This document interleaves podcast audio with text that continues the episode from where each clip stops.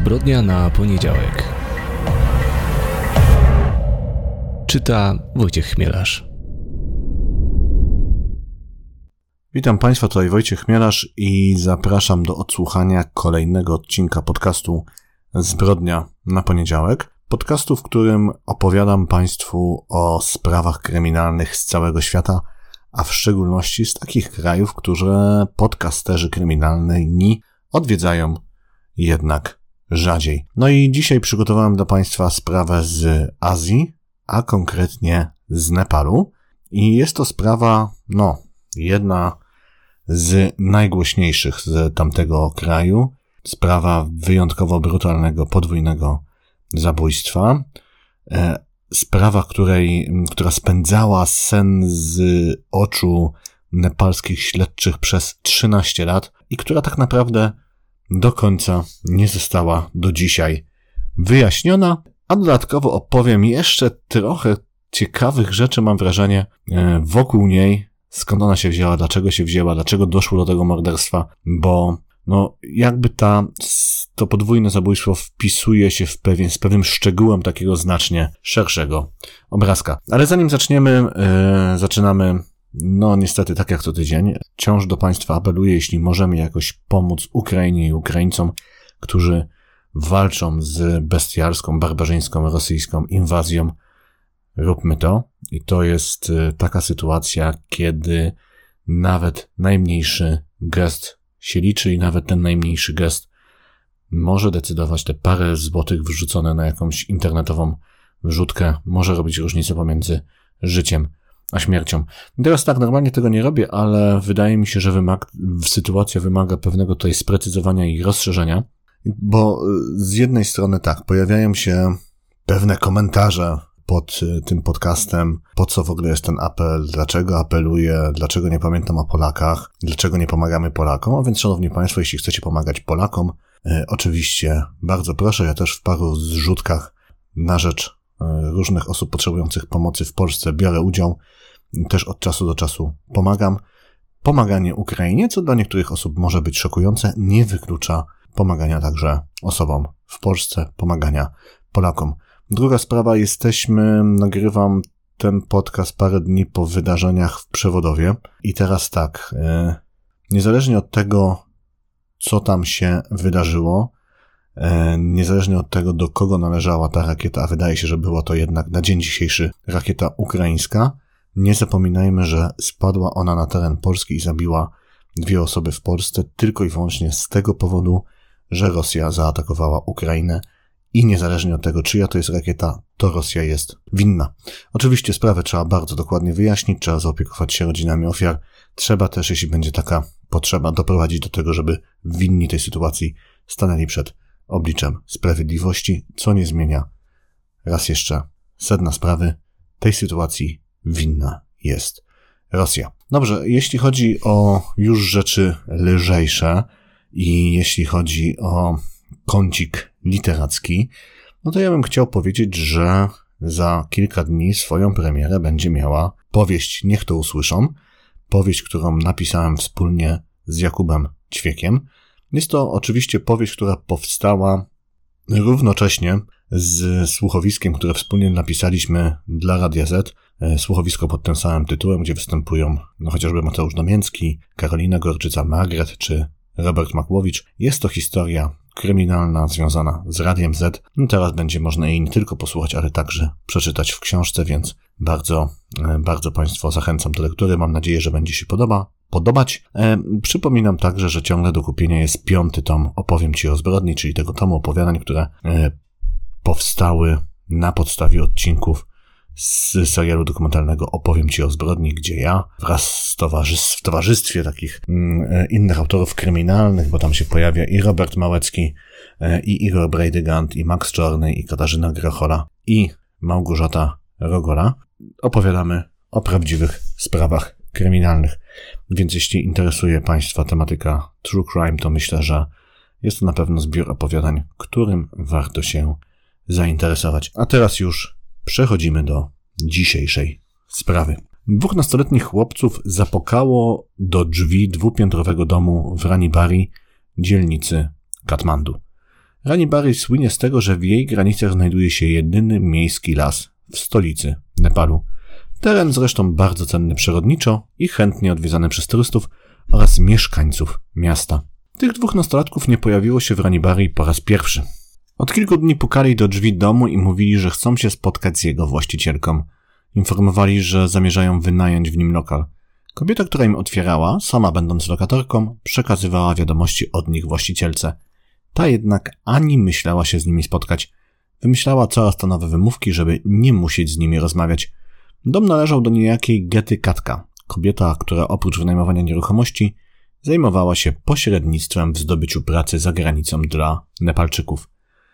Tego dnia, w lipcu 2002 roku, ta dwójka po raz kolejny zapukała do drzwi domu Gety Katki. Otworzyła im lokatorka Anjali Shredsha. Na pytanie o właścicielkę odpowiedziała zgodnie z prawdą, że przebywa ona w domu, ale nie chce się spotkać z chłopcami. Poza tym w tej chwili śpi. Tyle im wystarczyło. Nagle wyciągnęli noże kurki i zaczęli nimi dźgać zaskoczoną kobietę. Potem zaciągnęli ją, krwawiącą z licznych ran, do łazienki. Następnie zaatakowali jej męża, Hemanta Shredsha, a także ich czteroletnią córkę Agaya Shri. Mężczyzna zginął na miejscu. Dziewczynka została natomiast bardzo poważnie raniona w twarz. Wreszcie napastnicy ruszyli na górę, do mieszkania, które zajmowała Geta Katki. Kobieta jednak usłyszała hałasy na dole i domyśliła się, co się dzieje. zabarykadowała się w łazience.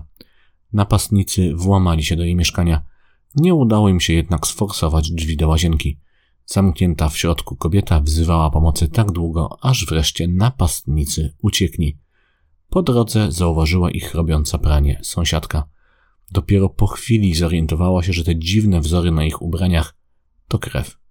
Pośpiesznie uciekła do domu, żeby się tam schować. Potem jednak, wiedziana ciekawością, wyszła, żeby ich śledzić.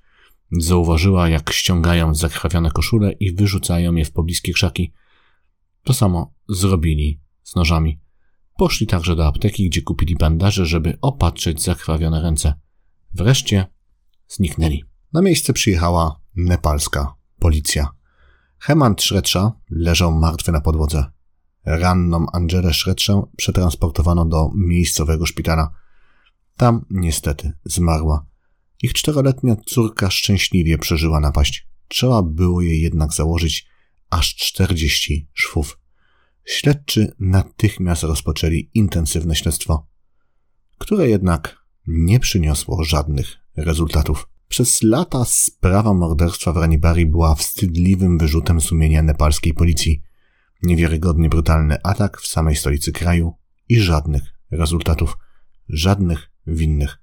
Przez 12 lat powstało 18 różnych specjalnych zespołów śledczych, które miały rozwiązać zagadkę tej zbrodni.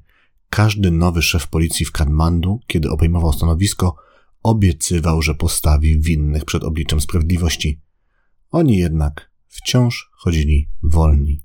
Nie wiadomo było, kim byli, ani dlaczego zaatakowali. Podobnie jak w wielu innych podobnych sprawach, do przełomu doszło przypadkiem. Po 12 latach policyjny informator usłyszał w jednej z restauracji dwóch mężczyzn, którzy przechwalali się tym, że załatwili parę z Ranibari. Natychmiast powiadomił organy ścigania. Mężczyznami byli Racz Gurung i Pramesz Czołuchan. Ta dwójka była już w kręgu naszych zainteresowań, ale informacje, które dostaliśmy, przyspieszyło nasze śledztwo. Wspominał Hemanta Mala Takuri, ówczesny szef Centralnego Biura Śledczego Nepalskiej Policji. Policjanci zaczęli zbierać dowody przeciwko wspomnianej dwójce i szybko dowiedzieli się, że mieli oni na sumieniu już jedno zabójstwo, zaskakujące podobne do tego, do którego doszło w Ranibari. Ich ofiarą była Lila Maya Giri, właścicielka Agencji Pośrednictwa Pracy w Goldhunga. W maju 2003 roku Gurung i Czuchan weszli do jej domu. Przedstawili się jako osoby zainteresowane wynajęciem od niej nieruchomości. Następnie kilka razy dźgnęli ją nożami. Zabójstwo zlecił im mąż kobiety. Za jej śmierć zapłacił 600 tysięcy nepalskich rupii, co jest równowartością około 21 tysięcy złotych. Należy jednak pamiętać, że do zabójstwa doszło 20 lat temu, kiedy siła nabywcza tych pieniędzy była jednak znacznie wyższa. Obaj sprawcy zostali szybko i sprawnie namierzeni. Biorąc jednak pod uwagę czyn, którego się dopuścili, kary, które im wymierzono, były wyjątkowo lekkie. Chauhan został skazany na dożywocie, ale wyszedł już po ośmiu latach, natomiast Gurung został wypuszczony za kaucję. Śledczy byli przekonani, że udało im się zidentyfikować sprawców zabójstwa w Ranipari. Zatrzymano ich, a potem poddano testowi na wykrywaczu kłamstw. Obaj go nie przeszli. Według śledczych celem morderców była Geta Katka. Za jej śmierć zapłacono im 200 tysięcy rupii indyjskich, czyli około 7 tysięcy złotych. Postawiono ich przed sądem. Obaj zostali skazani na dożywocie. Do dzisiaj nie wiadomo jednak, kto dokładnie zlecił zabójstwo Gety Katki. Miało to coś wspólnego z biznesem, który prowadziła Geta Katka, czyli agencją pośrednictwa pracy. To ogromnie ważny, być może najważniejszy sektor gospodarki w Nepalu, z ogromną konkurencją i wieloma kontrowersjami wokół. Jak ważny? W 2012 roku przekazy pieniężne z zagranicy wyniosły równowartość ponad 1 czwartej PKB Nepalu, a w 2013 roku ich wartość wynosiła ponad połowę importu tego kraju. Nepal ma jeden z najwyższych wskaźników migracji zarobkowej per capita na świecie. Dość powiedzieć, że nawet w Polsce w 2019 roku Nepalczycy stanowili drugą, najliczniejszą grupę narodowościową, której przedstawiciele dostawali pozwolenia na pracę w naszym kraju. Oczywiście, było ich dużo, dużo mniej niż znajdujących się na pierwszym miejscu Ukraińców, ale już sam fakt robi wrażenie. W Polsce pracują najczęściej jako budowlańcy i kurierzy, w zawodach, gdzie nie jest konieczna znajomość języka. Są popularni, ponieważ mają wysoką etykę pracy, a równocześnie niskie oczekiwania finansowe. Ale oczywiście Polska dla samych Nepalczyków jest jednym z mniej popularnych kierunków migracji zarobkowej. Przeważają kraje azjatyckie takie jak Malezja, Katar, Zjednoczone Emiraty Arabskie, Arabia Saudyjska oraz Kuwait. Każdego roku około 400 tysięcy Nepalczyków wyjeżdża na zagraniczne kontrakty, w których w zawarciu pośredniczy ponad 700 zarejestrowanych oficjalnie agencji pośrednictwa. Ile działa nieoficjalnie? Tego nie wiadomo. Większość z nich mieści się w Katmandu. Na 30 milionów Nepalczyków ponad 2 miliony pracuje za granicą. Natomiast znalazłem też, to są te dane o 2 milionach pracujących za granicą, to są dane pochodzące ze spisu ludności z roku 2021. Natomiast znalazłem też e, dane jeszcze sprzed pandemii i tam um, informowano, że za granicą pracuje około 5 milionów Nepalczyków. Ale tak jak wspominałem, to zjawisko ma też swoją ciemną stronę. Codziennie z lotniska z Katmandu odlatuje do pracy za granicą około półtora tysiąca Nepalczyków, ale równocześnie codziennie w trumnach wraca co najmniej trzech. Tylko pomiędzy lipcem 2014 a lipcem 2015 roku za granicą zmarło tysiąc Nepalczyków, co jest o tyle dziwne, że przed wyjazdem muszą oni przejść testy medyczne, które potwierdzają, że są oni zdrowi. Częstotliwość, z jaką pracownicy z Nepalu umierają za granicą, jest alarmująca, ponieważ umierają za młodzi. Jeśli młodzi i zdrowi ludzie umierają z taką częstotliwością, musimy dowiedzieć się, co się dzieje. Mówił kilka lat temu Ganesh Gurung, jeden z ekspertów w kwestii migracji zarobkowej w Nepalu. Niemal za każdym razem, przynajmniej oficjalnie, za zgon mają odpowiadać tak zwane przyczyny naturalne. Tutaj się pojawiają mm, wśród tych przyczyn naturalnych oczywiście takie mm, przyczyny jak na przykład zawał serca, natomiast po raz pierwszy czytając o tych zgonach spotkałem się z takim nazwą jak e, SUC, e, Sudden Unexpected Death Syndrome, tak, czyli zespół nagłej, niespodziewanej śmierci. E, zacząłem to googlać, co to w ogóle jest i no, wszyscy znamy ten syndrom nagłej śmierci łóżeczkowej, która dotyka najczęściej, e, czy niemalże wyłącznie, e, małe dzieci, niemowlaków. E, natomiast, no, ten syndrom nagłej, niespodziewanej śmierci, no, to jest sytuacja, w której dorosły człowiek umiera podczas snu i, no, jak o tym czytałem, no to bardzo mało informacji, jest nieliczna, nieliczna bardzo literatura naukowa dotycząca tego syndromu, Natomiast kiedy już się znajduje jakieś artykuły poświęcone temu zespołowi, temu syndromowi, to okazuje się, że one dotyczą niemal wyłącznie, a być może po prostu wyłącznie, no właśnie, migrantom zarobkowym, którzy z biednych krajów jadą pracować w bardzo ciężkich warunkach w innych krajach. Jakie są prawdziwe przyczyny śmierci Nepalczyków? No więc one są związane najczęściej właśnie z koszmarnymi warunkami, w których pracują. W Malezji pracują po 18 godzin dziennie, a potem, żeby zasnąć, piją tani alkohol z podejrzanych często źródeł. W Kuwejcie pracują przez wiele, wiele godzin w koszmarnym upale, żeby wrócić spać w klimatyzowanych pomieszczeniach, gdzie jest po prostu za chłodno, no i różnica temperatur bywa zabójcza.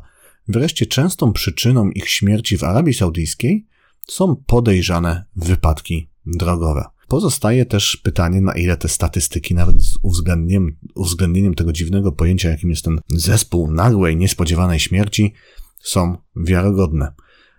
Bo to jest taki fajny przykład, który to e, pokazuje, dlaczego on trzeba podchodzić do nich e, z dużą podejrzliwością, a więc pomiędzy 2006 a 2014 rokiem ponad 300 Nepalczyków miało umrzeć z powodów kłopotów z sercem w Katarze. Ale w tym samym okresie w Arabii Saudyjskiej, gdzie przecież panuje ten e, sam klimat, e, gdzie panują podobne temperatury, na e, z powodów związanych z, z kłopotem, kłopotami z sercem umarło tylko 28 mm, Nepalczyków, czyli mamy w Kuwejcie ponad 300 Nepalczyków, w Arabii Saudyjskiej 28. No i tak statystycznie na to patrząc, to nie ma żadnego sensu, tak? Mamy dwa kraje sąsiadujące ze sobą, gdzie panują te same warunki e, pogodowe i gdzie przyjeżdżają no, przedstawiciele tej samej populacji. No musiała być to jakaś wyjątkowo anomalia statystyczna, żeby do Kuwejtu trafiali akurat Nepalczycy, którzy mają kłopoty z sercem, a do Arabii Saudyjskiej nie. Więc najprawdopodobniej no po prostu w Arabii Saudyjskiej e, podaje się inne przyczyny śmierci, w Kuwejcie podaje się inne przyczyny śmierci w oficjalnych dokumentach, a prawdziwe przyczyny śmierci są zupełnie inne. Po prostu nikt takich naprawdę nie bada. E, lekarze, którzy zajmują się, jeśli w ogóle zajmują się zmarłymi Nepalczykami, wpisują e, byle co. Ale też zdarzają się takie makabryczne historie, jak ta z 2002 roku, kiedy odkryto, że ciało zmarłej w tajemniczych okolicznościach na Sri Lance kobiety wróciło do Nepalu z wyciętą nerką i z wyciętymi innymi organami. W 2014 roku brytyjski The Guardian opublikował artykuł na temat właśnie tych licznych zgonów Nepalczyków, którzy wyjeżdżają pracować za granicą. No i w tym artykule jeden z przedstawicieli rządu w Katmandu stwierdził wprost, że nawet ponad 90% przypadków śmierci Nepalczyków za granicą powinno być traktowane jako morderstwa. No więc e, wiadomo też, że przynajmniej część agencji, e, które pośredniczą w tej w znalezieniu pracy za granicą dla Nepalczyków, no to są po prostu przestępcy, którzy wysyłają e, Nepalczyków i Nepalki w miejsca, gdzie stają się oni niewolnikami czy ofiarami przemocy seksualnej. W 2016 roku nepalskie gazety informowały o rajdzie policyjnym na 17 takich agencji, no i podczas tego rajdu zatrzymano 8 osób. Natomiast e, z drugiej strony e, w 2015 roku nepalska, e, nepalska prasa informowała o tym, że policja zatrzymała 5 osób które planowały zabić agenta pośrednictwa pracy. Ale dlaczego planowały go zabić? No, dlatego, że on wziął od nich pieniądze, zapewnił ich, że ma dla nich pracę, znalazł dla nich bardzo lukratywne miejsca pracy gdzieś w południowej Afryce, wywiózł ich do tej południowej Afryki i tam e, po prostu zostawił. No więc Nepalczykom udało się wrócić, planowali zemstę, Mm, natomiast y, no, planowali zabicie tego agenta, to im nie wyszło, nie potrafili się do niego zbliżyć, więc planowali porwanie jakiegoś lokalnego biznesmena, no i w tym momencie zostali zatrzymani przez policję. Ale też, żeby była jasność, e, zarobkowa migracja odgrywa też rolę w innych rodzajach przemocy. No bo to jest, skakałem troszeczkę po tematach, natomiast trzeba powiedzieć właśnie, mamy tą skalę migracji, gdzie e, nawet na 30 milionów mieszkańców ponad e, 2 miliony Nepalczyków gdzieś pracuje za granicą, a przed pandemią, jak wspominaliśmy, to mogło być nawet 5 milionów, tak? I oczywiście wyjeżdżają najczęściej osoby młode, e, dlatego że nie widzą dla siebie w Nepalu przyszłości, nie potrafią znaleźć pracy, próbują szukać szczęścia za granicą. Tak masowa migracja zarobkowa, do czego też przykłady mieliśmy w Polsce, jakiś, widzieliśmy też tu u siebie, po, szczególnie po wstąpieniu do, do Unii Europejskiej, kiedy bardzo dużo osób z Polski wyjechało szukać pracy, e, nie wiem, w Irlandii, Wielkiej Brytanii i, i w innych krajach, które wtedy przyjmowały Polaków, w krajach Unii Europejskiej. No, to powoduje masę problemów społecznych. Tak wyjeżdżają osoby młode, więc e, bardzo często nie ma kto się zająć osobami starszymi. Wyjeżdżają na przykład mężczyźni, zostają ich żony z dziećmi, następują poróż, no, rozluźnienie więzi społecznych. Jest to po prostu bardzo poważny problem, który Nepalczycy dostrzegają. No i on się też przekłada na statystyki e, przestępcze, tak? Bo to nie tylko te sprawy, o których mówiłem, ale też E, była taka sprawa dosyć e, młoda, bo od stycznia 2021 roku, jak, jak informowały gazety, pracujący w Bahrajnie Dinesh Sidgel martwił się, że jego żona, którą zostawił w Nepalu, no coraz mniej czasu y, poświęca na rozmowy z nim. No i też, że tak powiem, jakość tych rozmów jest coraz, coraz niższa. Zaczął się martwić o swoją rodzinę, zaczął się martwić o swoją E, żonę, pożyczył pieniądze od przyjaciela i wrócił do domu rok później, tak? Czyli w styczniu 2022 roku wrócił do Nepalu, bo chciał ratować swój związek. I teraz tak, 17 lutego 2022 roku jego pocięte na kawałki ciało zostało odnalezione na drodze pomiędzy miastami Daran a Behedar. O morderstwo e, Dinesza zostali oskarżeni żona mężczyzny, no i e, pewien mężczyzna, z którym od dłuższego czasu się spotykała. No i tutaj e, policja nepalska twierdzi, że większość przestępstw związanych z przemocą domową, no w tym także zabójstw, ma gdzieś tam w tle, a może nie tylko w tle, bo, bo czasami też na pierwszym planie, jakiś związek z tymi problemami spowodowanymi przez tą masową migrację zarobkową. Tak więc jest to dosyć szeroki temat, gdzie, gdzie bardzo nepalskie władze e, się zastanawiają, co z tym wszystkim zrobić, no bo z jednej strony oni naprawdę potrzebują tej migracji zarobkowej, tak? Raz jeszcze e, e, przypomnę, migranci zarobkowi przesyłają pieniądze do Nepalu i, i te przekazy to jest równowartość jednej czwartej nepalskiego PKB, tak? Czy nie można, nie można chociażby z tego po prostu zabronić wyjazdów za granicę do pracy zarobkowej, no bo wtedy kraj Nepal, ta cała gospodarka po prostu przestanie e, e, funkcjonować. No a równocześnie pojawiają się e, te problemy. No, w porównaniu z latami dwutysięcznymi są wprowadzone jakieś zmiany legislacyjne. Rząd stara się bardziej kontrolować agencje pośredniczące w zatrudnianiu Nepalczyków za granicą.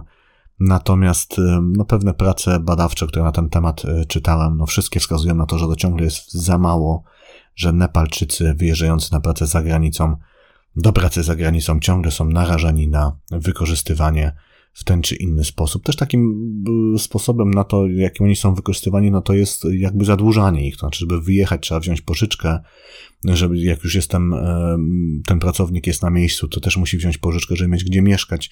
Te pożyczki się bierze na jakiś bandycki procent od wspólnika tej agencji pracy tymczasowej. I się okazuje, że ten Nepalczyk na miejscu zarabia tak mało, że właściwie nie jest w stanie utrzymać się na miejscu i równocześnie spłacić tej pożyczki, więc ta spirala zadłużenia się czyni de facto z niego niewolnika. E, no tak jak mówiłem, nepalskie władze próbują z tym walczyć, ale wszyscy się zgadzają, że ciągle, ciągle robią za mało. Dobrze, e, nie wi- więc wracamy do tej sprawy, od której za- zaczynamy. Zaczęliśmy, zwracamy do sprawy morderstwa e, w Ranibari, no i do Indogety Katki. Jakie było dokładnie przewinienie Gety Katki, która, tak jak mówię, zajmowała się tą, tym pośrednictwem w znalezieniu pracy za granicą? No, do końca nie wiadomo. Nepalskie media informują tylko, że miała ona oszukać, ale nie wiadomo jak dokładnie, zleceniodawcę morderców. Oni e, obaj nigdy nie, nie, nie, nie powiedzieli, kto tym zleceniodawcą był, więc nawet po tylu, tylu latach ciągle nie wiadomo, kto tak naprawdę jest odpowiedzialny za śmierć dwojga ludzi, młodego małżeństwa, które zostało zabite w tym domu w Ranibari, e, ani tak naprawdę dlaczego zostali zabici, znaczy, zabici, znaczy zostali zabici przez przypadek, no ale prawdziwym celem była geta Katki. Ona też nigdy nie powiedziała o co mogło chodzić, a przynajmniej ja nie znalazłem w materiałach dotyczących tej sprawy takiej informacji.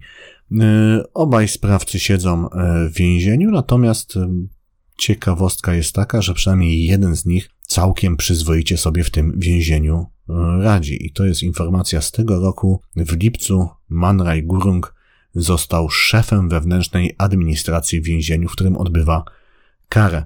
I teraz tak, jak to działa? No ten system więziennictwa nepalski jest dosyć dziwny. Z tego, co się zorientowałem, on w dużej mierze opiera, opiera się na tym, że więźniowie sami się pilnują.